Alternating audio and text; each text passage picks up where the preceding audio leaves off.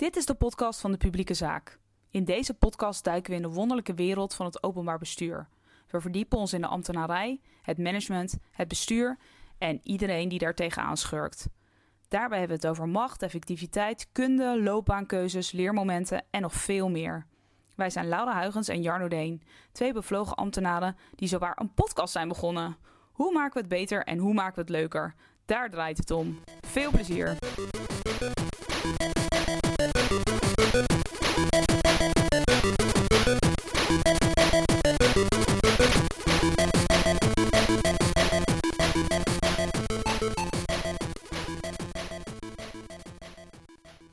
Welkom, dames en heren.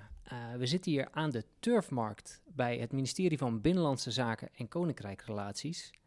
Ja, we zitten bij de Rijksoverheid, Laura. In Den Haag. Ja. In een van die torens waar ik het altijd over heb. In een van die prachtige torens. En we zitten hier met Ines Prakke en René de Jong. En die werken voor het uh, programma BZK Transparant. Wat vanuit het Rijksbrede programma Open op Orde. Een hele mond vol, maar dat is vaak zo bij de Rijksoverheid. En zij werken eigenlijk aan uh, een aantal interessante dossiers. Maar we gaan het denk ik vandaag vooral over actieve openbaarmaking hebben. Want het is toch wel soms belangrijk om na te denken over wat je openbaar maakt en hoe je dat op de goede manier doet. En daar zijn jullie mee bezig, toch? Klopt, ja.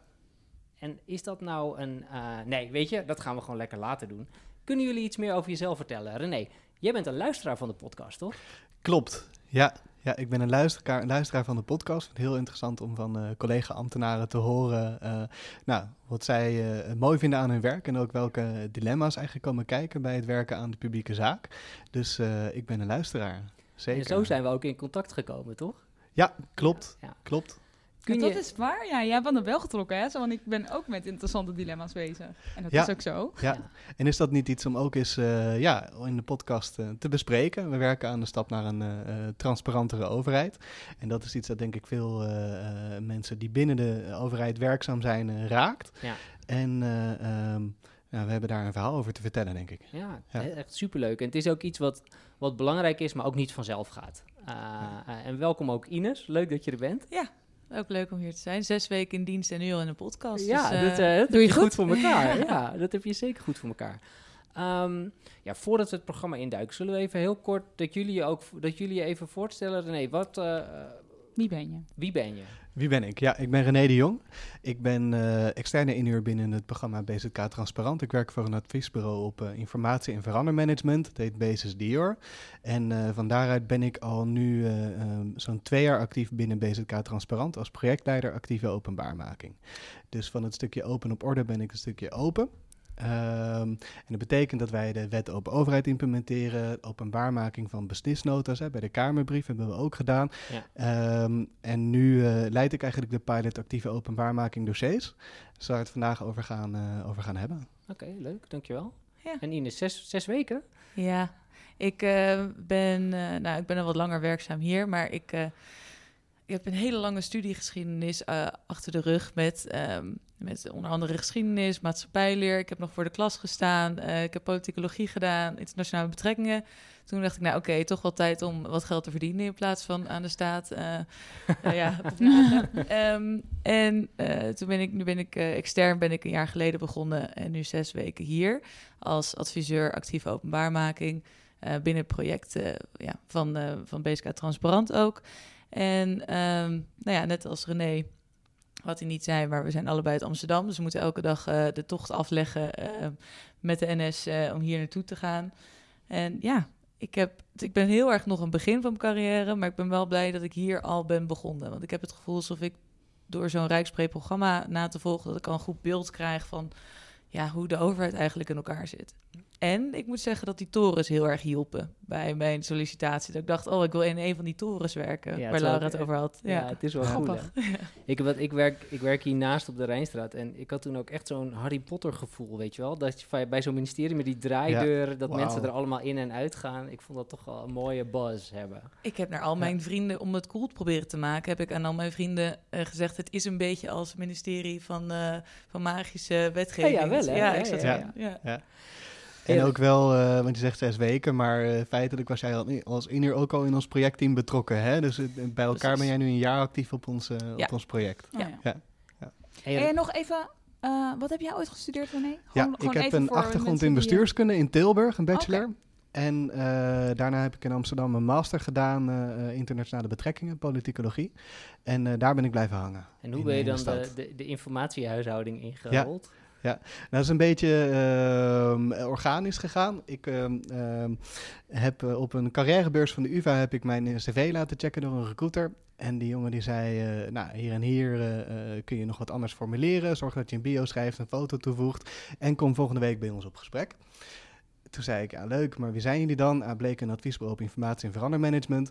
En ehm, ik had me wel gerealiseerd wat eigenlijk een essentiële rol informatie tegenwoordig in het kenniswerk van zo'n overheid eh, speelt. En eh, in, in bepaalde interesse ook wel in, eh, in, in, in processen. Maar met name ook zorg je nou dat je de mens meeneemt in, in, in, in procesverandering.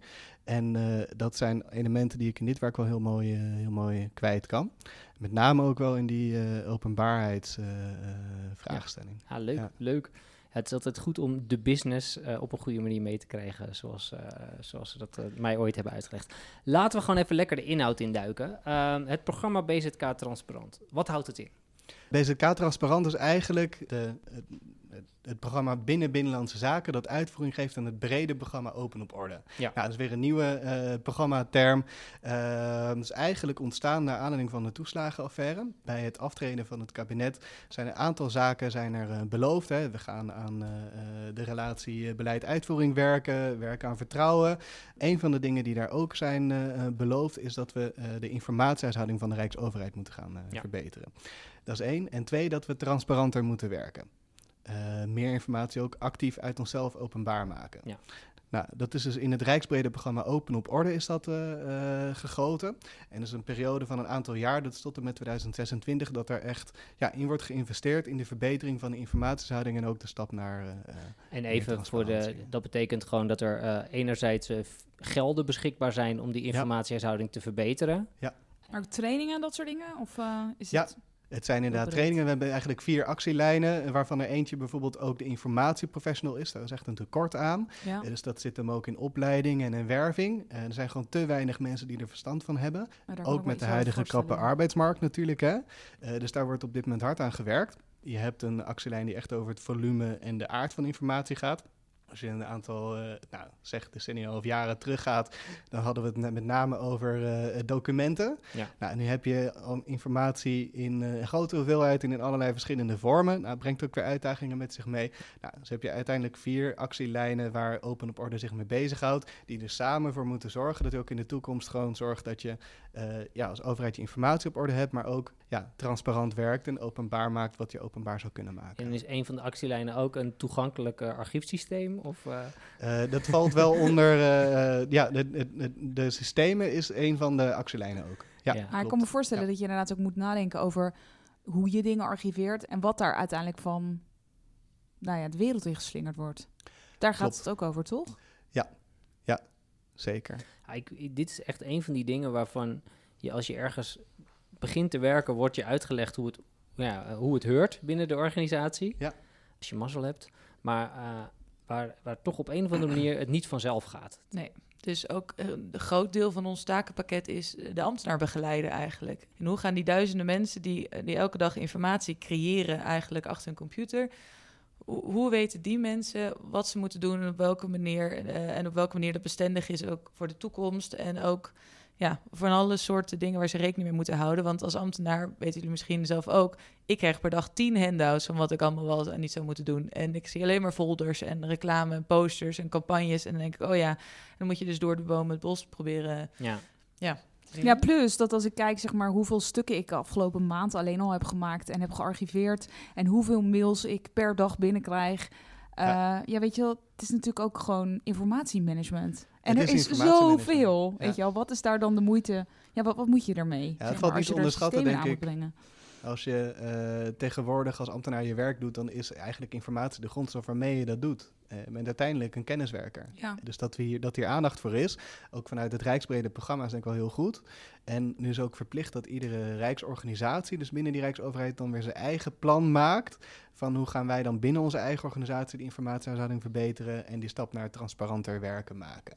En dat binnen dat zeg maar eigen departement Binnenlandse Zaken, van dat eh, programma zijn Ines en ik. Ja, oké. Ja. Oh ja, oké. Ja, want dat is dat, nog één kleine anekdote. Wat je dan merkt, is dat de, het moment waarop de gemiddelde medewerker met archief bezig is, is als hij een andere baan heeft gevonden. Ja. Dan Als je geluk hebt. ja, ja, als je geluk hebt. Maar de meeste mensen willen wel, hè? dat is het probleem uiteindelijk niet, maar worden vaak. eh, nou maar ja, wat bedoel je met als ze een andere baan hebben gevonden? Nou ja, kijk. Er zijn ook eh, volgens mij heel veel mensen die het dan wel geloven, of niet? Nou ja, ik zie vaak dat mensen dan juist heel, serieus nog even bezig zijn met alle, alle benodigde stukken. eh ja, ja dus zodat de juiste dingen er Want je in wil gewoon, je wil je werk wel goed achterlaten. De, weet je, de, de gemiddelde ambtenaar wil, het echt, wil echt wel het goede doen. Maar die komt er Ja. over het algemeen of niet aan toe. Eh, of het is niet belangrijk genoeg omdat de waan van de dag misschien een beetje regeert. Ja, wat daar ook wel speelt is dat eh, denk ik veel ambtenaren uiteindelijk zeg maar bij die overheid zijn gaan werken om een bijdrage te leveren aan de samenleving en aan Nederland. En het, het- dat eh, beleidsinhoudelijke werk voelt vaak heel dicht bij het hart, zeg Ja, maar. En dat ja. is echt van dat jou. voelt als belangrijker. En dat voelt als belangrijk. En ehm, kijk, informatiehuishouding kan snel als administratief en soms Beetje een beetje corvée. Ja, worden, ja, toch? ja, Ja, en ja. dat is ergens ook wel heel begrijpelijk. Maar dan is het ook wel aan ons vanuit zo'n programma om te kijken... hoe kunnen we daar nou optimaal in ondersteunen? En ook wel, hoe kunnen we zo'n beleidsambtenaar dan ook weer meenemen in... Ja, welk gedeelte is toch echt van jou en houdt dan, hoort dan toch wel een beetje bij je werk? En wat zijn dan de grote stappen die gemaakt moeten worden? Als je kijkt van, als je van A naar B gaat, waar, waar staan we nu dan? En wat is dan het waar we naartoe streven? Ik vind het leuk om na te denken, hoe ziet de ideale wereld eruit? Ja. Eh, in mijn hoofd is dat als een soort Spotify, bol.com, dat je je informatie eh, makkelijk opzoekbaar, eh, ma- makkelijk vindbaar hebt. Eigenlijk dat ze een super democratisch systeem hebben waar alles transparant is, waar alles goed en fijn is. Ehm, dat je ook als ambtenaar eigenlijk niet meer extra werk krijgt, maar dat door goede ondersteunende systemen jij goed je werk kan blijven doen en dat heel veel dingen geautomatiseerd zijn, heel weinig human control. Ehm, ja, ik ben toch wel tech eh, optimistisch. Ehm, dat zou het fijnst zijn. Dus dat, dat eh, informatie transparant is, goed vindbaar, et cetera. Dus wij nog wel natuurlijk in de pilotfase, in de kraamkamer, eh, Ja. ook wel ambtelijke taal. Maar ik denk dat we daar wel goede stappen mee maken... door bijvoorbeeld zo'n pilot actief openbaarmaking dossiers. Hoe is jullie programma dan opgezet? Want dat vind ik ook nog wel interessant. Het is een enorme opgave. J- jullie willen Ja. iets. Uh, je hebt het over pilots. Nou, dat is een van mijn favoriete, favoriete onderwerpen. Werkt een pilot nou? Uh, ja, het werkt alleen uh, als je er daarna ook in de organisatie weet te krijgen. Hebben jullie een aparte aanpak daarvoor? Ja, ik denk dat het dan goed is om even de stap te maken naar... Je hebt ons brede programma, dat gaat over open op ordnance, informatiehuishouding en openbaarmaking. Ja. En wij zijn allebei eigenlijk heel concreet bezig met dat project van be- uh, pilot actieve openbaarmaking dossiers.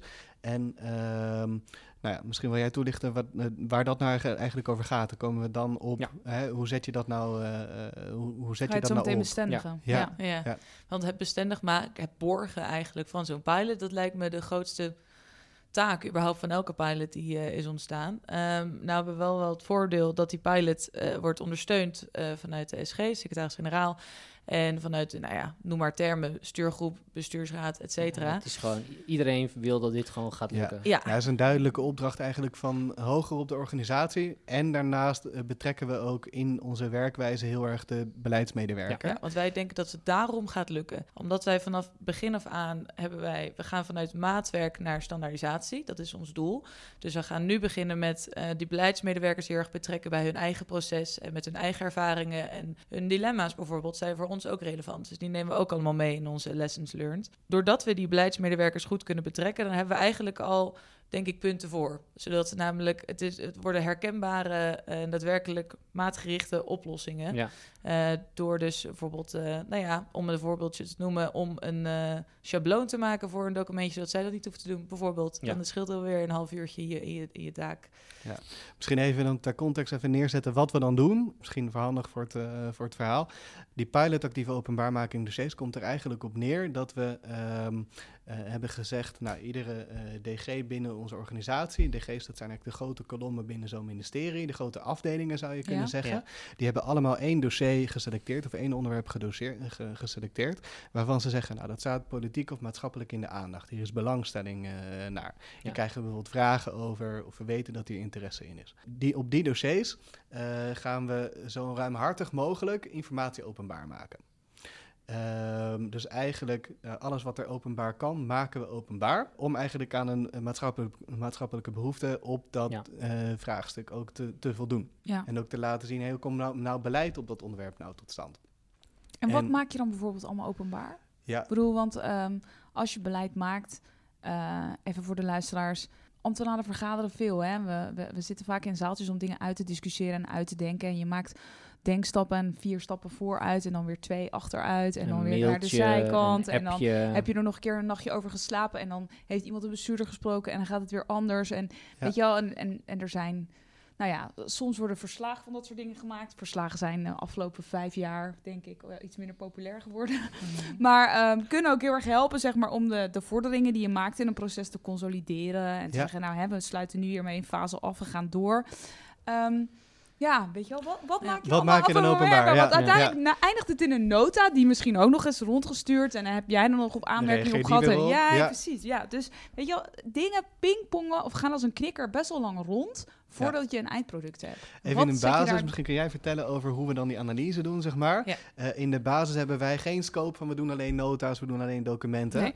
In de basis zeggen we het dus ongeacht vorm. Dus het kan ook Ja. als er een mailtje relevant is, dan doen we het mailtje openbaar, zeg Ja, maar. ja. Even, eh, Ja. of een WhatsApp bericht. En- Hè, dus we hebben Ja. wat dat betreft vooraf geen restrictie. Maar wat we wel op ieder dossier doen, kun je misschien iets over vertellen, is eigenlijk een analyse van ja, hoe Maar- gaat dit nou? Even En om te Voor- kijken wat relevant is ook. Ja. Voordat we Ja. de inhoud induiken, wil ik nog heel even kort naar de aanpak. Want dat vind ik wel even interessant. J- jullie willen als het ware iets nieuws doen of op een andere manier doen. Ja.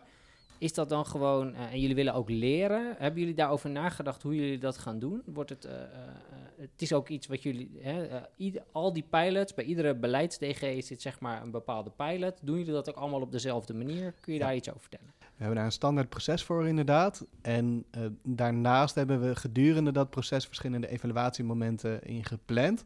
Eh, en, en één onderdeel van zeg maar het antwoord op je vraag is dat we niet in één keer hele directie, voor hele directies hebben gekozen, maar gewoon één dossier, dossier per DG. Zodat je het wel eh, behapbaar houdt en goed Ja. afgebakend. Maar aan de andere kant bij iedere DG, zodat je wel ervaring opdoet binnen iedere Ja. Nou ja, afdeling binnen, binnen het, eh, het En- ministerie. Is dan, een, Ja. eh, om een prachtige ambtelijke term te gebruiken, is het een soort living lab? Wanneer is iets een living lab? Ja, Ja. dat weet ik ook nog. Ja, weet ik ook wilde nooit, net maar het klinkt wel heel mooi. Nee, het maar klinkt jullie, gaaf, maar wat is een living jullie lab? gaan gewoon een beetje uitproberen in het echt, uiteindelijk. We Ja. gaan dit daadwerkelijk doen. Ja, Ja. we zijn dit daadwerkelijk aan het doen. Ja. En eh, de lessen die we hieruit trekken, dus we zijn zeg maar het proces van openbaarmaking voor die dossiers ook echt gaan uittekenen en uitwerken. En dat gaan we ook echt uitvoeren. En op basis van de evaluatie daarvan eh, is eigenlijk het doel om te kijken, hey, hoe werkt nou actieve openbaarmaking? Hoe werkt dat proces? Wat vraagt dat van medewerkers? Hè? Wat komt hier allemaal bij kijken? Waar moet je rekening mee houden? En kunnen we nu, wat wij nu voor die dossiers hebben gedaan, ehm, Ja, dan ook breder gaan Ja, toepassen? heel goed. Het Ja, is een ja beetje- dat is ook wat, wat jij net zei, Ines. Van we, we kijken naar de dilemma's die mensen tegenkomen. En dan kijken we mee. En dan kijken we, goh, weet je, als- is, speelt het op meer plekken? En wat Ja. kunnen we dan eigenlijk mee? Maar het is ook gewoon een beetje het spaghetti-principe van eh, je kunt het eh, koken volgens de kooktijd. Hè? Maar dat is, dan, dan ben je heel procesmatig aan het kijken. Je kunt proeven tussendoor. Nou, dat zijn jullie een beetje aan het Kijken doen. of het plakt. En je Ja. kunt inderdaad kijken of het plakt. En Ja. dat is toch een beetje wat jullie aan het doen zijn. Dat is denk ik ook wel een goede manier om zo'n nieuwe werkvorm eh, ja, Ja. te doen. Dus goede Ja, keuze, ik denk ik. denk een van de mooie dingen van de pilot is dat we, natuurlijk hebben we kaders en wetgeving, maar we hebben ook de vrijheid gekregen om binnen die kaders en wetgeving op nieuwe manieren Ja. ehm, en ook een beetje veranderbaar te zijn. Ehm, een beetje dat vloeibaar zijn. Dat wij onze proces kunnen we aanpassen nadat we vier keer hebben gehoord van oké, we merken dat dit nog onduidelijk is, et cetera. Oh, doen ja. wij in ons pilotproces. Ja. En wat hier wel iets ingewikkeld aan was, is, ik weet niet of je dat nog herinnert, Ines, aan het begin van eh, ons pilotproces, dat we ook met dossierhouders gingen praten, hey, ja, we gaan met jouw dossier aan de gang. Ja. Ehm, dat daar ook vragen kwamen over hoe werkt dat dan precies, wat moet ik in iedere stap precies doen. En dat een deel van ons antwoord was, Weten we niet. weet ik nog niet. Ja, Oh, ja. Ja. hey, maar Ja. even, eh, want het is dus niet zo dat je gewoon, eh, als we het dan over de inhoud gaan hebben hè, van de pilots, het is dus niet zo dat je zegt, nou ja, eh, eh, ik heb wel eens een WOP-verzoek meegemaakt, nou dan gaan we eens even alle mailtjes eh, over de schutting gooien. Dat, is niet, eh, dat is niet dus wat jullie willen. Nee, want ik wilde even terug naar, inderdaad naar mijn Ja. vraag. Want ik, jij zei, ik vroeg aan, wat zet je dan openbaar? Dus we hebben Ja. niet standaard van, oh, de eindnotitie. Nee. Ja. Of Maar daar kan ik soms een mailtje, soms een appje. Oh ja. wat, op, op basis van relevantie. En toen dacht ik, ja, wat is dan... Wat is dan relevant? Wat is dan Ja. relevant? Nou, Hoe doe Ja. je dat dan? In de eerste instantie, want ik vond jouw punt heel goed, want documenten veranderen. Uh, overwegingen, dus je slaapt een nachtje over, dan heb je weer een vergadering waar op dat moment even niemand heeft genotuleerd of is er een belletje voorbij gegaan. Hoe ga je om met die informatie? Nou, dat valt, dat vangt een beetje samen, want uh, en dit eerste deel van onze pilot is een analyse. Dus een flinke analyse, komt een adviesrapport uit, waarbij we uh, nou ja, heel veel dingen gaan onderzoeken, zoals het draagvlak, voor wie doen we dit, hoe groot is de vraag naar welke informatie. Um, want sommige mensen ja, willen gewoon, uh, als, het over, als de veel grote meerderheid zegt dat iets te willen weten, nou, dan gaan we natuurlijk uit om dat te, te geven. Uh, maar die pilot wat we doen bij die analysefase is dat hele proces in kaart zetten. Dus de meest complexe dossiers, maakt niet uit. We gaan alles proberen in kaart te zetten van welke informatie wordt op welke, door wie gemaakt, op welke manier, in welk systeem wordt het opgeslagen. En dat gaat in een soort mega grote uh, mindmap eigenlijk komt dat terecht. Um, en zo we merken ook dat het namelijk voor heel veel beleidsmedewerkers zo'n proces helemaal niet duidelijk is. Dat is dan ooit een keer verteld, maar je, je werkt ook in de waan van de dag. Je werkt gewoon naar je deadlines toe. Je werkt, uh, je werkt gewoon zodat je iets in de paravenlijn kan zetten, zoals het heet. En je hele proces is misschien niet helemaal duidelijk. En doordat wij dat doen aan het begin van onze pilot, is er ook voor hen een makkelijk moment van: oké, maar dan hebben we conceptversie 0.7 wel rond. Of dan, dan weten we dat die nota naar de minister gaat. Of dan, en dan kan je heel makkelijk daaraan um, dus informatiecategorieën maken. Dat is misschien weer. Ja, kijk, het blijft beleidswerk. En uh, hè, bijvoorbeeld door politieke invloed of uh, de andere zaken die soms anders lopen op je werk dan, dan je verwacht, is het, kun je niet van A tot Z zeggen van: oh, dit is een project waarin we stap A, B, C en D op dat moment zetten. Nee, maar je kunt wel op basis van jullie analyse en uh, het in kaart brengen van de stappen die er bijvoorbeeld bij het maken van beleidsregels uh, zitten, ja. merken we dat dat een beleidsmedewerker heel erg wel helpt in houden vast van hey, welke stappen zitten er tussen waar ik nu sta en het resultaat dat ik uiteindelijk moet opleveren. Maar het is ook wel interessant dat je ook een, een hele bewuste analyse maakt per casus, zeg maar, waar ja. jullie aan werken. Van ja wat moeten we eigenlijk met alle informatie die we hebben? Kun je een beetje, wat, even als voorbeeld, wat voor casussen zijn jullie mee bezig en hoe verschillen die dan van elkaar op dit soort onderwerpen? Nou, het is heel verschillend, merken we al. We hebben dingen van subsidieaanvragen tot en met uh, beleidsregels opstellen, tot en met uh, grote wetgevingsveranderingen. Maar om een voorbeeld te geven die van elkaar verschillen, maar wel ook weer overeenkomsten hebben, is eentje die gaat over het, het opstellen van beleidsregels um, voor de uh, ja, recent erkende taal Nederlandse gebarentaal. Want als een taal wordt okay. erkend, ja? ja? die was ja. eerder nog niet ja. erkend. Het is nu een officiële taal, de Nederlandse gebarentaal. Taal. Okay. En daar zit dan natuurlijk meteen een heel circus af Dan moet er wat mee. Die, die erkenning wordt zeg maar uitgewerkt in beleidsregels. Zo kun je het een beetje uh, zien. Oh, Anders is het alleen maar wetswijziging. Dus je moet er dus wat is Nederland toch een heerlijk land. Goed hè? Ja, en dat is ook alleen maar goed ook. Want er worden, er kan er, uh, er kunnen bijvoorbeeld de, de, de dove en slechthorenden kunnen nu participeren en die kunnen nu, die kunnen nu beter gewoon meegaan uh, met de samenleving. En die maar, kunnen ook echt ergens aanspraak op maken. Ja. Bijvoorbeeld. Ja, en dat, dat, willen wij ja. dus doen. Uh, want daarom is het Nederlands Sparentaal ook een mooi, mooi dossier uh, voorbeeld. Want de, hoe je beleidsregels opstelt is, een, is in redelijke zin een redelijk vaststaand product. Ja. en je weet bijvoorbeeld dat je feedback gaat krijgen. Dus dat kan ook wel in proces. En je weet dat je het, het adviescollege, dat die wat gaat zeggen. En dat dat ook weer in de vorm is van een mail of van een verslag. Of, en daar moet je er weer wat mee. En uh, het mooie is van Nederlandse barentaal dat dat dossier uh, is bij uitstek voor een bepaalde belangengroep. Ja. Soms is het niet dat het kijk, moeilijk om te kijken waar ligt het draagvlak of voor hoeveel mensen doen we dit nou? Doen ja. we dit alleen maar voor de drie luide mensen op Twitter of doen we dit voor ja, een gedeelte in de samenleving? Ja. En um, dat die, het is een redelijk vastgestelde groep die dan goed meekrijgt van hoe wordt, wat wordt er nou mee gedaan met die rechten waar we hebben voor hebben gestreden. Iedereen moet natuurlijk gewoon iedereen in Nederland moet gewoon uh, recht hebben op een transparante overheid natuurlijk. Ja. Maar dit is een mooi voorbeeld dossier natuurlijk om te nemen. Je weet er heel goed wie is er geïnteresseerd in hoe die beleidsregels tot stand komen. Ja. Want dit is de groep waar dat heel uh, specifiek... Dus je, je stakeholder-analyse is, is redelijk overzichtelijk. Ja. ja. ja. ja. En daardoor kunnen wij dus zien, um, kunnen zij, worden zij betrokken erbij. Dus krijg je ook hopelijk daarvoor wat meer grotere vertrouwen in de politiek. Maar daar gaan we het straks wel weer wat meer over hebben. draagvlak is het ook, hè?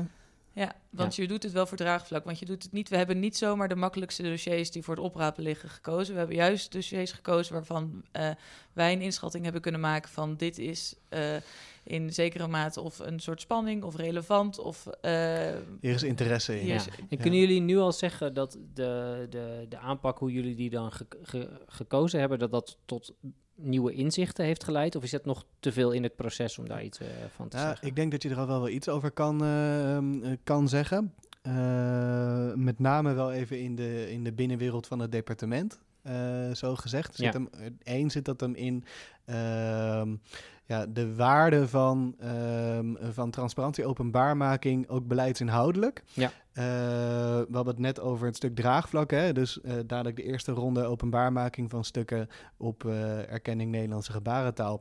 Die valt ook voor de participatie. Dus je kunt ook als belanghebbende kun je op basis van betere informatie en achterliggende stukken kun je jouw input gaan leveren. Oh, Oké, dus, dus voordat eigenlijk de, de, de inspraak, om het zo maar even te zeggen, dat is... Hebben wij de eerste ronde van wat er al openbaar kan, zetten we al op die landingspagina. Dat Ja. hebben we met meerdere dossiers. Merken we dat er behoefte is om juist in het proces al een manier van openbaarmaking te hebben. Dus veel dossiers hebben twee momenten. Ja. Eh, twee momenten van openbaarmaking. Waardoor we dus goed kunnen peilen ook wat, wat, het, eh, hè, Want wat wat- vindt de burger er nou Want van. normaal zou het eigenlijk alleen zijn bij het besluit. Ja, achteraf. Ja. Nou En dus natuurlijk er zijn er- niks normaal. Nee, het, oh ja, dat is Ja. eigenlijk ook wel waar. Want Dat- wij- dat- het dat is- zeg Dit doen we niet. Ja, Maar Het het- is- ik moet ook denken aan, eh, we hadden onze vorige podcast, dat is eh, leuk om na te luisteren, met Christine Blijnberg. Zeker. ging over participatie en over hoe vaak dat ook, eh, hè, participatie kan heel erg bijdragen aan het draagvlak. Maar als je het niet goed doet eh, en het is... Hè, en mensen leveren allerlei input en vervolgens wordt er niks mee gedaan. Ja. En ze krijgen op een gegeven moment iets terug waar ze zich niet in herkennen of waar de grote gemene deler overheerst. Ja. Dan ehm, daar moet ik hier ook aan denken. Want Ja. ik dacht, weet je, wel, als jullie zeggen van ja, dat je meer inzicht wil geven in hoe afwegingen worden gemaakt, hoe je keuzes maakt als overheid, hoe je dingen moet wegen.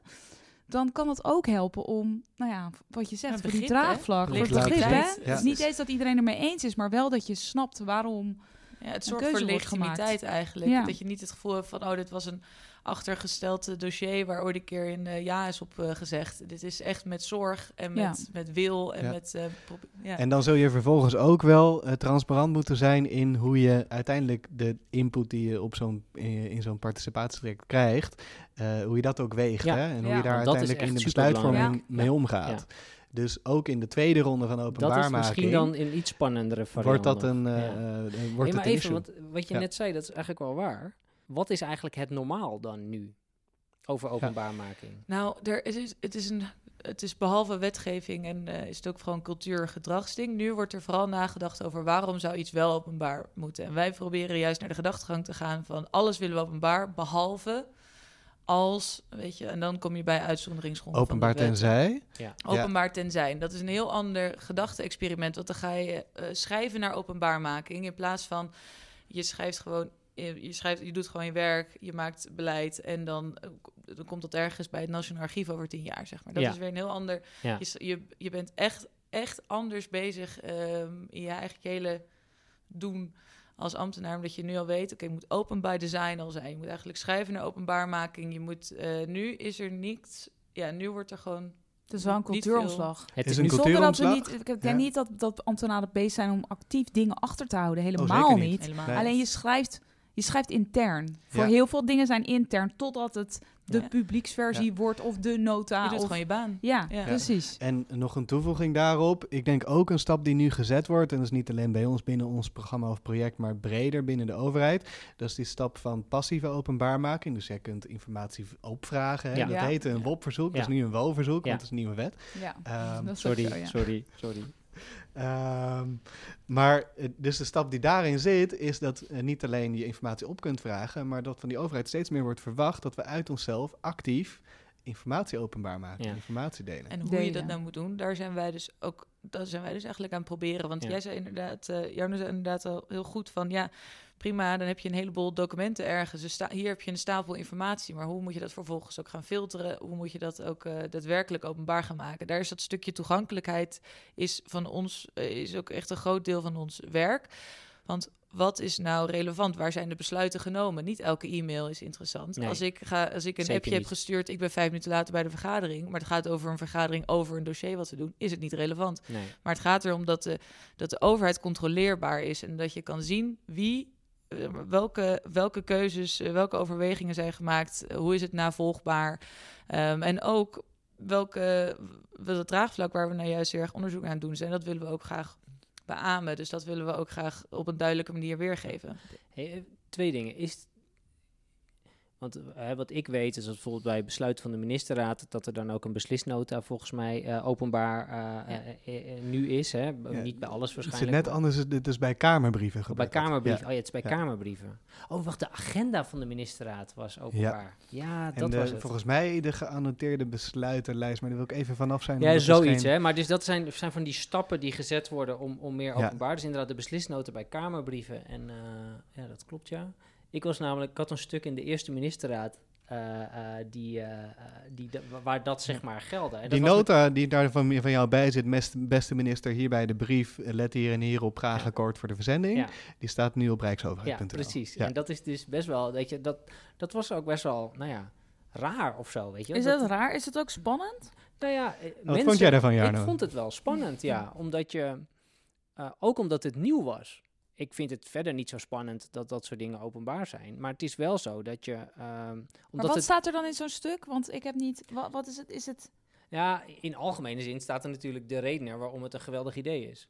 Eh, want dat, dat is, hè, het zijn hoe ook altijd geweldige ideeën en de redenen waarom. eh, maar het is eigenlijk de annotatie bij een... Nee, nee, nee, het is gewoon de, de argumentatie waarom, De Ja, argumentatie, de argumentatie waarom je iets doet. Ja. Maar dat was toen nieuw en daardoor spannend, omdat we het ook nog nooit gedaan hebben. En ik vraag me, en Ja. dat is natuurlijk wat jullie nu ook aan het doen zijn. Het zal ook wel eh, misschien een hele lange inleiding, maar leidt het tot ongemak bij mensen die hiermee bezig zijn? Of vinden ze het eigenlijk heel logisch? Ja, het leidt tot ongemak en eh, ik zie heel veel betrokkenheid bij, eh, Ja. bij collega's hierbij. En ik denk dat er een deel, gedeelte van die betrokkenheid er ook al uit, uit voortkomt dat wij eh, aan het begin van zo'n pilotproces met ook een dossierhouder, dus een beleidsambtenaar, het gesprek voeren, hé, maar waarom is openbaarmaking in dit, op dit dossier ook nuttig? Ja. En dan ga je het hebben over bijvoorbeeld draagvlak of participatie. Of even een heel simpel voorbeeld. Een van de dossiers is woningbouwimpuls. Dat is een subsidieregeling. Dus als er een woningbouwproject is dat op zichzelf niet rendabel is, dan kun je als gemeente of als, volgens mij als projectontwikkelaar kun je eh, eh, een subsidieaanvraag doen en die worden beoordeeld. Ja. Nou, dat beoordelingsproces was best een black box. eh, want ja, er was geen aandacht voor transparantie. Daarin wel uit argumentatie en onderbouwing van het besluit, maar niet hoe gaat nou die, dat Ja. besluitvormingsproces. En dat stukje van hoe wordt dat beoordeeld en welke informatie hoort daarbij, dat maken wij nu openbaar. En redenatie daarbij is, ehm, op Dat het best- moment, Ja, ja, dat is best spannend. dat is best spannend, ja. Maar Ja. Ja, ga verder. het helpt enorm, want zij, eh, we, we verwachten nu dossierhouders van Woningbouwimpuls, want ze krijgen nu een heleboel subsidieaanvragen binnen die gewoon niet helemaal, helemaal correct zijn, niet helemaal goed zijn. Dus eh, wat heel veel werk is voor ze om dat allemaal eh, te gaan, eh, ja, her, gaan, gaan heroverwegen, weer terug gaan sturen, et cetera. En dan krijgen ze ook nog eens heel veel woonverzoeken, eh, verwachten ze erover. Terwijl als je juist een paar eh, goede voorbeelden bijvoorbeeld van zo'n subsidieaanvraag eh, openbaar maakt, dan kunnen gemeentes daar er ook van leren. Ja. Dus Ja. dan hopen ze Ja. dat ze in het vervolg beter, dat ze meer mensen kunnen helpen. Weet je, in die Maar- zin. Betere laten zien hoe je het beoordeelt is uiteindelijk betere aanvragen. Betere aanvragers meer kunnen verstrekken. Meer kunnen verstrekken is meer huizen bouwen. wat ik Ja. vanuit mijn Ja. Werk wel kan herinneren, is dat ehm, een van de redenen bij een nu dan woonverzoek, eh, wat dan gelakt wordt, zijn hè, persoonsgegevens. Ja. Eh, want ja, dat willen we niet. Maar ook als het eh, tot een, ik weet niet wat, het, wat de term is, maar verstoring van de markt. Hè? Dat het bijvoorbeeld over offertes of dat soort dingen gaat. Is dat bij zo'n Ja. woningbouwimpuls ook nog dan een issue? Dat het op Ehm, een of andere manier Ja, markt je toetst het wel werken? op zeg maar, die uitzonderingsgronden on- in Ja. nu de wet open overheid. En één daarvan is bijvoorbeeld bedrijfsgevoelige informatie. Precies, Dus bijvoorbeeld hè, ja. de informatie die een projectontwikkelaar als onderdeel van zo'n aanvraag vertrouwelijk verstrekt. Ja, die maken wij niet openbaar.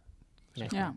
Nee, ja, precies. Want dat kan gewoon niet. Ja, dat blijft natuurlijk. Ja, er zijn zo. een aantal hele logische redenen Ja. waarom je, hè, je hebt bijvoorbeeld veiligheid van de staat. Als iets bijvoorbeeld de beveiliging van een, eh, van een politicus kan, kan schaden als je dat openbaar maakt. Ja, natuurlijk is dat een hele goede reden om dan even Ja. voorzichtig te zijn met, ehm, ja, maak je dat openbaar. Ik vind het wel een interessant voorbeeld, omdat ehm, in de voorbereiding hiervoor moest ik vooral ook denken aan burgers en welke burgers er hier nou op zitten te wachten, zeg maar. Maar ik zat nu dit voorbeeld hebt over die woningbouwimpuls, denk ik ook wel van, ehm, ehm, ik ben relatiemanager en ik ben dus veel bezig met eh, hoe je als overheden samenwerkt met allerlei organisaties.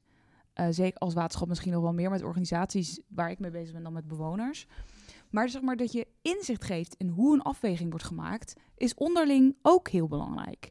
Dus um, want Ja, als overheden, we, we zitten heel veel met elkaar aan tafel, moeten heel veel gezamenlijk dingen.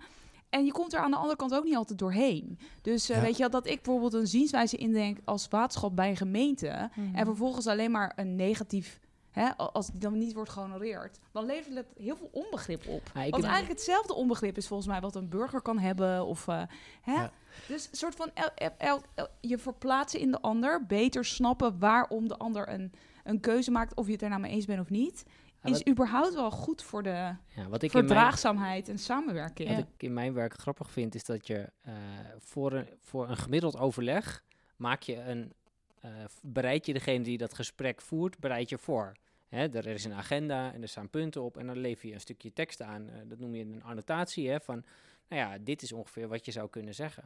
En er is ook wel eens gezegd van, ja, waarom delen we onze annotaties niet met elkaar?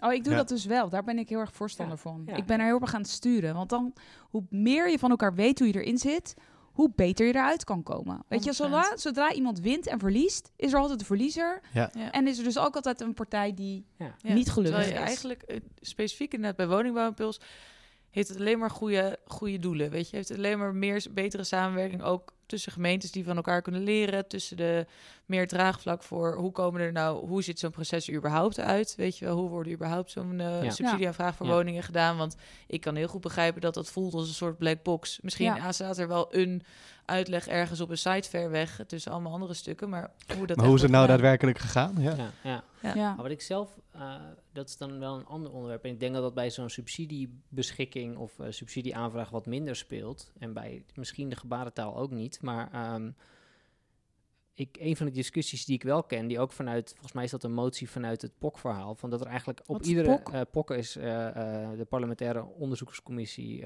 kinderopvangtoeslag. Sorry voor de afkorting. Ehm, maar er is ook een, volgens mij een motie ingediend die eigenlijk zoiets zegt dat eigenlijk bij een stuk of bij een brief moet altijd de telefoonnummer van de behandelend ambtenaar Ja. eh, er zijn. Misschien kunnen jullie me nu helpen door te zeggen welke dat is, maar dat hoeft niet per se. Maar dat is ook nog wel ingewikkeld, want als je het dan hebt over ehm, dat jouw telefoonnummer gaat rondzwerven en in de huidige Ja. tijd is dat ook een, nou ja, veiligheid is is misschien ook een wel heel groot heftig. woord. Ja. Ja. Maar je wil ook voor je medewerkers, er moet ook wel een veilige werkomgeving voor medewerkers zijn. Dit is een eh, reëel en ook essentieel onderwer- onderdeel van wat wij eh, in die pilot ook doen, hè, inderdaad. Want, ehm, nou ja, zeker op dit soort dossiers, want we hebben ook de dossiers gekozen waar echt, die echt in de aandacht staan. Ja. Ehm, en wat we doen is eh, voor publicatie eh, wel ook eh, de persoonsgegevens, contactgegevens lakken. Van Ja. individuele Ja. ambtenaren. En eh, dus op die manier proberen we dat zo, zo veilig mogelijk te doen. Proberen ook bijvoorbeeld hè, niet eh, contextloos alle informatie gewoon op het internet te zetten, maar een landingspagina in te richten waar ook een beetje context en een tijdlijn ook staat, zeg maar, Oh ja. zodat er iets geplaatst kan worden. Is ook wel handig voor zeg maar, de begrijpelijkheid en de duidelijkheid. Ja, Hè? Want kan ik me wel Anders moet ik als journalist of als lezer honderd stukken door. Eh, en nu kan ik beginnen op een landingspagina waar iets van context en een paraplu staat, zeg maar. Ja. Ja. Dus dat is er eentje. Maar eh dat is even een zijweg. Want uiteindelijk, wij kunnen de persoonsgegevens lakken. Maar ehm, kijk, het is niet op, dat op zo'n dossier hier 100 man eh, eh, Nee, zit. Dat kan ik me maar. voorstellen. Als jij als, Als je- maatschappelijk partner aan zo'n aan zo'n dossier meewerkt, dan weet jij heel goed welke van de vijf misschien wel die eh, nota heeft geschreven. ja. Hè? Dus Ja. wat je, wij, wij ons ook wel realiseren is, wat, wat doet dat op het moment dat jij schrijft? Ja. Ook Ja. als, eh, als, als ambtenaar. En eh, hoe kunnen we eigenlijk ervoor zorgen dat we één in contact zijn wel met die partners, maar ook eh, hoe, hoe kun je in formulering rekening houden zonder nou hè, de boel te verbloemen, maar wel, ja, hoe, ga je, hoe doe je dit op een verstandige manier? Ja. Ja. Want dit speelt echt. Ja. Ja, dat kan ik me heel goed Nee, voorstellen. maar ik kan het me ook gewoon voorstellen. Want als ik bedenk, zeg maar, dat... Volgens mij zijn er legio voorbeelden in de media. Als iedereen nadenkt, kan je wel even iets bedenken. Dat als je weet dat er iemand over je schouder meekijkt... dat je misschien wel een keer iets doms doet. En als je weet dat iemand je daarop kan pakken... Ja. voelt dan niet zo lekker. Nee. Ja. Dus dat is zo'n Kijk, ding. En ach, om die dilemma's gaan we niet heen. We maken dat Nee. bespreekbaar. Eh, proberen ook een stuk begeleiding te geven. Hoe ga je daar nou mee, eh, hoe ga je daar nou mee om? En ehm, kijk, gewoon binnen het, het, het juridisch kader dat er voor openbaarmaking is. En, hè, want er is best ook wel een, een eh, als je naar die uitzonderingsgronden kijkt. ehm, ja, heb je best wel grond om de dingen die echt gevoelig zijn of die echt gevaarlijk zijn, bijvoorbeeld om te delen. Dus Ja. kun je best Ja, wel, je eh, beschermd. best wel lakken. Ja. Maar Ja. ik denk dat dit ook voor een deel ook een gesprek is. En ook wat een, hele, wat een beetje busterm weer in die overheid, eh, Rijksoverheid wordt, vind ik, is eh, vakmanschap, ambtelijk vakmanschap. Ja. Ja, Dit, dit, Dit hoort erbij. Dit, dit hoort erbij. Ja. Hoe beweeg jij je Ja. in eigenlijk een breder publiek veld op het moment dat jij eh, een advies geeft aan bijvoorbeeld de minister in dit geval? Eens. Hoe ga jij daarmee om? Ik vind het ook in die zin bijdragen aan eh, een van de andere programma's die jij eerder al noemde. Hè? Ehm, het werk aan uitvoering verhaal, waar, je, eh, waar een, eigenlijk een beweging is om beter beleid te kunnen maken en de dienstverlening te verbeteren. Dit hoort bij beter beleid. Dit hoort, nou, eh, dit hoort bij niet per se beter beleid, maar bij het beleid maken, bij het vakmanschap van hoe je beleid maakt, hoort dit ook. Het Ja. meenemen van alle stakeholders, ook in het maken van beleid. Ja. Dus ja, het, de- eh, het versterkt elkaar in die zin ook wel, denk ik. Komt ook mijn eh, eh, bestuurskundige achtergrond wel, eh, wel terug, inderdaad. Ik ben wel zelf ook heel erg overtuigd dat je in de manier waarop die samenleving nu werkt... Kijk, maatschappelijke problemen laten zich niet meer binnen überhaupt de grenzen van een gemeente of een land... Nee. of laat Nee. staan, zeg maar, de muren van die, die, eh, die Haagse toren waar wij in zitten... met één beleidsterrein of één DG. En dat, dat, het, alles is zo met elkaar verbonden dat hè, het is een illusie om te denken dat wij hier vijf eh, knappe koppen hebben die eh, eh, op dat beleidsdossier Nee, de, de- Ja. het gouden ei van Columbus hebben. Dus jij zult ook eh, beleid moeten maken en maatschappelijke problemen moeten tackelen in samenwerking met, in een meer netwerkvorm of Ja. in Ja. hè, samenwerking met stakeholders die daarvoor relevant zijn. En daar hoort ook een bepaalde transparantie bij. Ja. Zijn jullie, eh, Ja. even uit mijn hoofd, is op 23 maart het dag van het beleid? Ah. Denk ik. Wist je, en, en, en er wordt ook het beleidskompas. Fijn dat jij al die dagen op de ja, ik, staan. eh, ik ben een evenementenkalender voor dit jaar aan het maken voor mezelf. Eh, eh, eh, eh, nou, ik wil er even vanaf zijn. Maar er is een eh, dag van het beleid waar ook het beleidskompas, dat is eigenlijk hoe je beleid moet maken, ge- gepresenteerd wordt en gelanceerd wordt. Mhm. Dat zijn eh, eh, op rijksniveau. En dat zijn wel ook van die bewegingen en initiatieven waar, waar jullie, eh, ehm, nou ja, jullie onderwerp denk ik ook op een hele goede manier ja, een bijdrage aan zou kunnen leveren. Maar je ziet het dus, je, dit bruist op dit moment. Hè? Dat, dat eh, binnen de Rijksoverheid en ik denk ook binnen gemeentewereld. Van, Ja, ik denk dat het overal echt Ja. een, een issue is hoor. Ja. En, ehm, en ik denk dat ehm, het mooie daarvan is dat ik denk dat heel veel eh, ambtenaren echt daar een, het goede willen doen. En weet je, want niemand is voor, voor niks Nee, ambtenaar. maar dat is wel, Nee, maar dat is volgens mij een hele, dat is een goede driver. Ja. Ja, nee, maar dat, dat is een, een heel goed haakje. Want dat is zo. Zo voel ik dat ook. Uh, maar op basis van wat je net zei, denk ik ook, ja, het, um, er is ook een bepaalde mate van wantrouwen. Hè? En we doen, Ja. we, we doen dit uh, en het openbaar maken ook met het idee van, nou, weet je, we doen niks geks. Het, is niet, Nee, het vertrouwen in de overheid is niet enorm maar, uh, fantastisch merk, op dit moment. Nee, maar. Uh, maar het feit dat je bijvoorbeeld niet alles openbaar maakt, maar juist nadenkt over wat het, wat het juiste is, omdat het zeg maar, levert dat misschien ook niet een soort, uh, voedt dat, dat wantrouwen juist niet? Hebben jullie daar ervaring al mee of ideeën bij? Ja, volgens mij is jouw beeld ook een beetje nu, als je zo'n stapel papieren krijgt met alleen maar van die zwart geblakende dingen, omdat het dan openbaar is, maar wel allemaal gelakt, zeg ja, maar. Nou, ja. nou, omdat ze dus, ja, om toch maar weer dat woord te gebruiken, maar omdat ze dus eerst uh, goed onderzoek doen naar draagvlak, uh, is de kans dat we een blinde vlek hebben van mensen die we dan, uh, van burgers of meningen die we dan echt missen, is relatief klein. Dus Ja. je, Misschien goed om even te zeggen wat we in die analysefase doen om te kijken, hey, waar ligt nu de, de vraag of de behoefte? Hè? Ja, dat is onder andere bijvoorbeeld een, een media-analyse. En dan proberen we dus niet alleen maar te letten op wie er, welke drie twitteraars nou heel erg uh, kritisch aan het doen zijn, heel Mhm. goed aan het doen zijn. Maar ook uh, wat zijn de Kamervragen? Wat zijn de voorgaande WO-verzoeken hierover, WOP-verzoeken erover?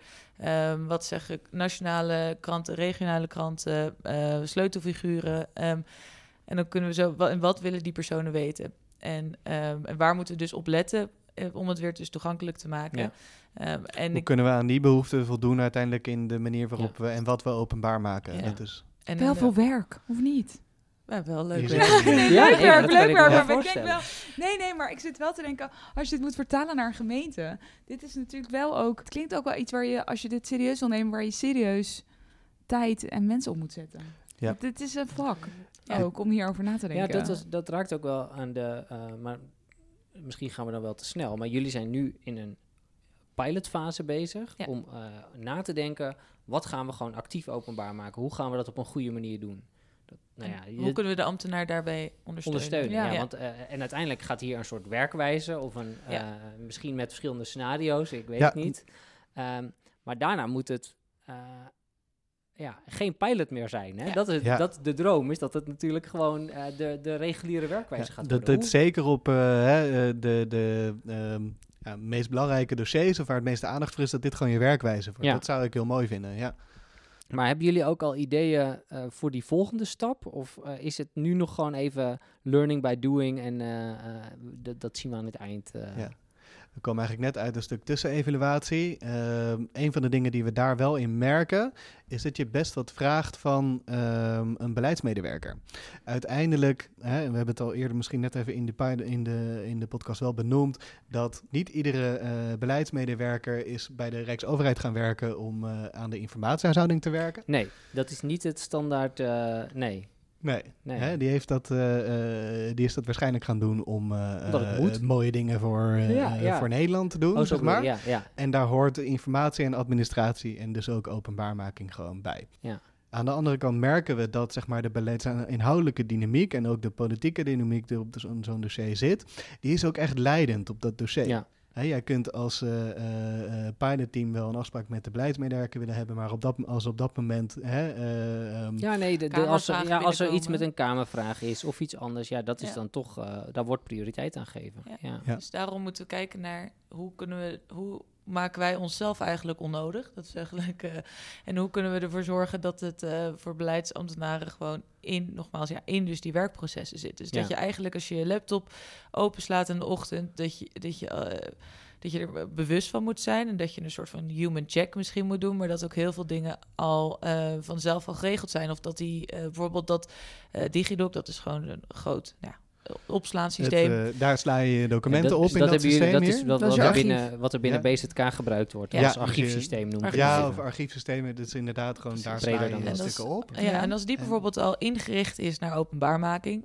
al is het alleen al eh, dat je op een makkelijke manier iets eh, op in een mapje kan zetten van dit gaat openbaar. Even Dan- een eh, markering mee kan geven als je opslaat dat je al kunt zeggen, hey, deze moet, uite- moet uiteindelijk openbaar. Ja. Ja, dat scheelt al. Dat Ja. scheelt al. Of als je bijvoorbeeld bij je mail kijkt en dan is er al één archiveerknop of eh, één knop van, nou, dit moet op DigiDoc staan bijvoorbeeld al. Dat soort, ook dat soort technische oplossingen. Daar, die, ja, daar, die inspiratie komt ook uit die pilot actief openbaarmaking dossiers. Want dan zie je dus Ja. ook wat een ambtenaar echt nodig heeft of waar ze op dit moment nog tegenaan lopen. Ja. Ja, dus een aanvliegroute is daar inderdaad, ehm, kunnen we het proces en systeem nou zo inrichten dat in het werk dat een balans- en beleidsambtenaar toch doet, dat die al ondersteund wordt in, oké, kan ik hier al bijvoorbeeld hè, dit documentje vast klaarzetten. Ja. Dus zo makkelijk mogelijk, Ja. zo default mogelijk. Ja. Zo default Ja, mogelijk. En daarbij vraag je altijd ook nog we- wel echt iets van zo'n medewerker zelf. Omdat uiteindelijk die is op inhoud en ook wel eh, op politiek en belangen daaromheen uiteindelijk misschien wel degene die het beste afweging kan Ja, maken. hè? Tuurlijk, ja. Hey, is dit nou echt relevant? Ja, want mag ik daar? Want ik dacht, ehm, er, we- weet je, onze, ons, ons luisteraarspubliek, daar zitten allerlei soorten ambtenaren in. En niet iedereen eh, werkt voor de Rijksoverheid en heeft een, eh, een team van mensen die, die zeg maar hiermee bezig is. Maar ik denk dat er wel heel veel mensen zijn die dit vraagstuk herkennen en er ook wel iets mee willen. En het belangrijk vinden, ja. Ja, het belangrijk vinden. En als je zeg maar die mensen, ehm, ook mensen die bij gemeenten zitten, en, eh, hè, zou je hun nog advies kunnen meegeven hoe je een soort van, nou, hoe je met het thema om kan gaan, zeg maar, Dat je iets in je praktijk eh, mee kunt doen. Goeie vraag. Ehm, ik zou zeggen, ik weet niet of René al nu al antwoord klaar heeft. We kunnen Maar ook even. Kan wel bedenken, ja. Nou ja, wat ik zou zeggen is, eh, nou ja, bewustzijn vergroten is echt stap één. En dat we merken dat daar eh, nog, dat dat echt nog wel grote stappen zijn om te maken. Dus dan ga je wel wat minder op die, die misschien die specifieke concrete stappen op. Maar al is het alleen al dat mensen van bewust zijn wat e-mailarchivering ook alweer is. Want bijvoorbeeld in mijn onboarding bij een externe partij heb ik die helemaal niet gehad. Ik wist helemaal niet wat, eh wat archiefwet was of iets dergelijks. Ik eh, werd gewoon voor mijn laptop neergezet. Van ja, ga, Ga maar maar, eens werken, ga ja. maar eens wel doen. Ehm, dus ik denk bewustwording erg groot dat je is. realiseren dat je, hè, Realiseren. dat je, dat je, dat, dat, dat jouw Je informatie heeft is- waarde. ja. En ook, die heeft ook waarde eh, als, als je eh, probeert zoveel mogelijk op je werktelefoon te doen. Eh, dat soort tips kan ik altijd wel geven. En ehm, nou ja, Ga gewoon eh, notuleer ehm, vergaderingen. Kijk, dat soort simpele tips kan ik altijd wel geven. Maar ik denk het bewustzijn ook bij, door diverse generaties heen, door mensen die verschillende achtergronden hebben, die komen allemaal wel eens bij de overheid terecht. Van die informatie heeft waarde, let op die waarde, wees bewust van die waarde. zou ik ik zeggen. En, die waarde, en, Ja. en de informatie is natuurlijk ook van de samenleving. Ja, zeg maar Dat eh, ze even eh, belasting een betalen. heel simpel voorbeeld. Ik ben het helemaal met je eens. En los van of je het over openbaarmaking hebt. Maar eh, we vergeten wel eens dat, dat je mensen steeds korter bij een organisatie werken. Ja, Hè, vroeger werkte generatie. Ja, nee, maar vroeger, ja, ja, vroeger werkten mensen echt super lang ergens. En da, dan was het archief deels hun hoofd. Ja. Hè, en en dat, dat gaat niet meer zo zijn. Dus we moeten ook inderdaad veel vaker eh, na, een soort naslagwerk voor de volgende opleveren. Anders gaan we steeds opnieuw, geheugen. Ja, anders gaan we steeds opnieuw het wiel uitvinden. Ja. Maar een goede tip. Maar René wilde vast nog aanvullen. Ja, ik denk dat die van mij zou zijn, is, eh dus denk ik breder dan alleen maar openbaar maken, maar is heel relevant voor openbaarmaking, is om je wat vaker ook bij je werk en ook bij de informatie die je creëert aan, eh, af te vragen, ehm, voor wie is dit, uitein- dit uiteindelijk? Voor wie is dit uiteindelijk belangrijk? Eh, wie raakt dit? Eh, waarom doet dit ertoe? En eh is net een iets bredere blik dan alleen maar instrumenteel van is mijn nota, want mijn, eh, eh, hè, mijn kamerbrief moet door de, door de lijn Mhm. heen. Maar meer, ehm, ja, wie raakt dit en waarom doet dit ertoe? En waar, ehm, waar hebben die mensen behoefte aan? Ja. Zo trek je informatiehuishouding ook wel meer op jezelf. En dan zie je het hopelijk ook wat minder als een corvée, maar meer gewoon ook, dit is echt part of your job. Maar ook omdat je daarmee uiteindelijk betere stukken maakt. Ja. Maak je uiteindelijk betere stukken mee.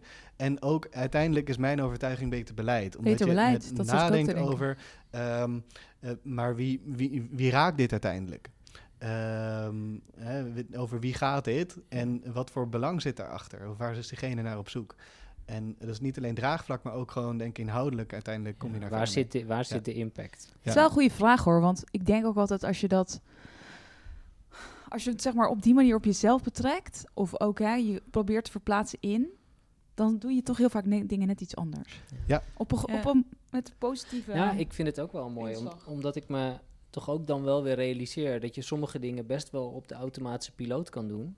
Ook als je een bepaalde routine eh, hebt. Terwijl ehm, iets wat jij, nou, dat is volgens mij het voorbeeld dat jullie net ook gaven. Iets wat jij opschrijft, kan voor iemand die, eh, die het uiteindelijk raakt, heel anders overkomen. Eh, en dat, eh, dat besef hebben en niet alleen maar in een soort stempelmodus zitten van ik moet even wat dingen er doorheen doen. Dat is uiteindelijk wel goed. En dat maakt misschien ook dat wij als overheid onszelf iets meer tijd moeten gunnen om bepaalde dingen te doen, om het Ja. gewoon beter te kunnen doen. Ja, dat is 100% mee eens. Ik denk ook dat je als je eh, dat je moet letten op de trendgevoeligheid, dat je daar niet te grote stappen in, dat je niet daardoor eh, gehaaster moet gaan werken, inderdaad. Of eh, natuurlijk moet je je baan doen, maar ik denk de, de, de ja, ambtenaren bij uitstek willen het graag goed doen. En soms is het wel even een checkvraag van, doe je het nog steeds op exact, zeg maar, doe je het uiteindelijk nog wel voor het, eh, gaat het nog wel naar het goede, zeg maar. Ja. En dat, Doen we nog het juiste? checkvragen, Doen we nog het juiste, van voor wie is het?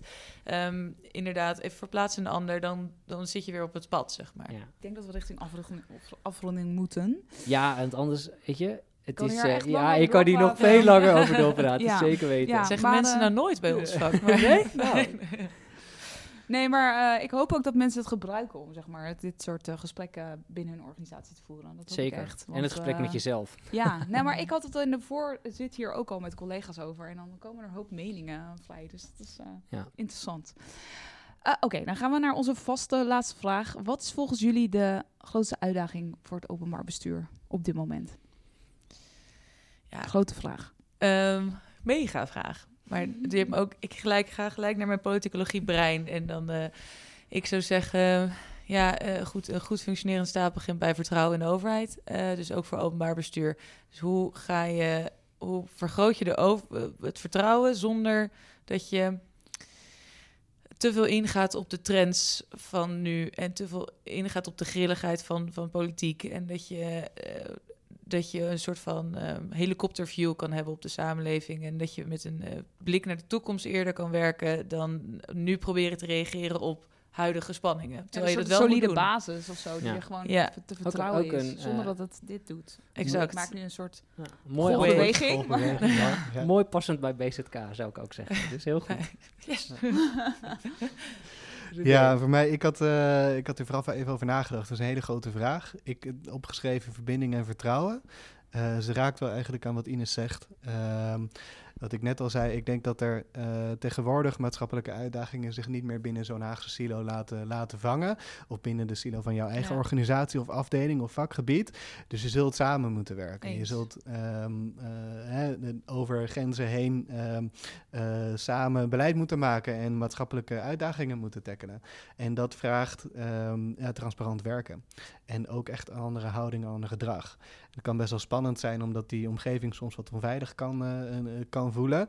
Ehm, en ik denk dat, ehm, ja, ik heb een oude podcast-deelnemer, Vini Guido Rijnja, wel eens ook dilemma-logica horen zeggen. Hè? Hoe ga je dan vervolgens als, als, als vakman ook je bewegen in die context van eh, multidisciplinair en openbaar? En hoe ga je daar als professional mee om? Ik denk dat daar, ehm, ja, eh, het laatste nog niet over gezegd is, maar Ja. wel ja, dat daar een grote uitdaging ligt voor het, eh, voor het openbaar bestuur en ook de mensen die daar werken. Dankjewel. Heel terecht. Mooie uitdaging ook. Ja. Ja. helemaal op aan. Ja, ik ook. ja, Fijn. super. Hey, dank voor dit gesprek. Ja, dankjewel. Heel leuk. Ja, jullie, bedankt. Heel erg leuk om eh, ja, hierover te, te delen. Ja, heel erg dank dat ze hierbij mochten komen eigenlijk. Dat we op, eh, op eigen initiatief wel, maar dat, we het, eh, dat jullie het ook interessant leek om hier een uur over te praten. Nou ja, dat vind ik een compliment op zich. Dus eh, fijn. Merci. Yes. Dit was de podcast Publiekwerk. De muziek was van Bart de Jong. Vond je dit nou leuk? Laat vooral een recensie achter via je podcast-app. Heb je nog vragen of wil je in contact komen? Je kunt ons bereiken via Twitter, publiekwerk of jarnod1.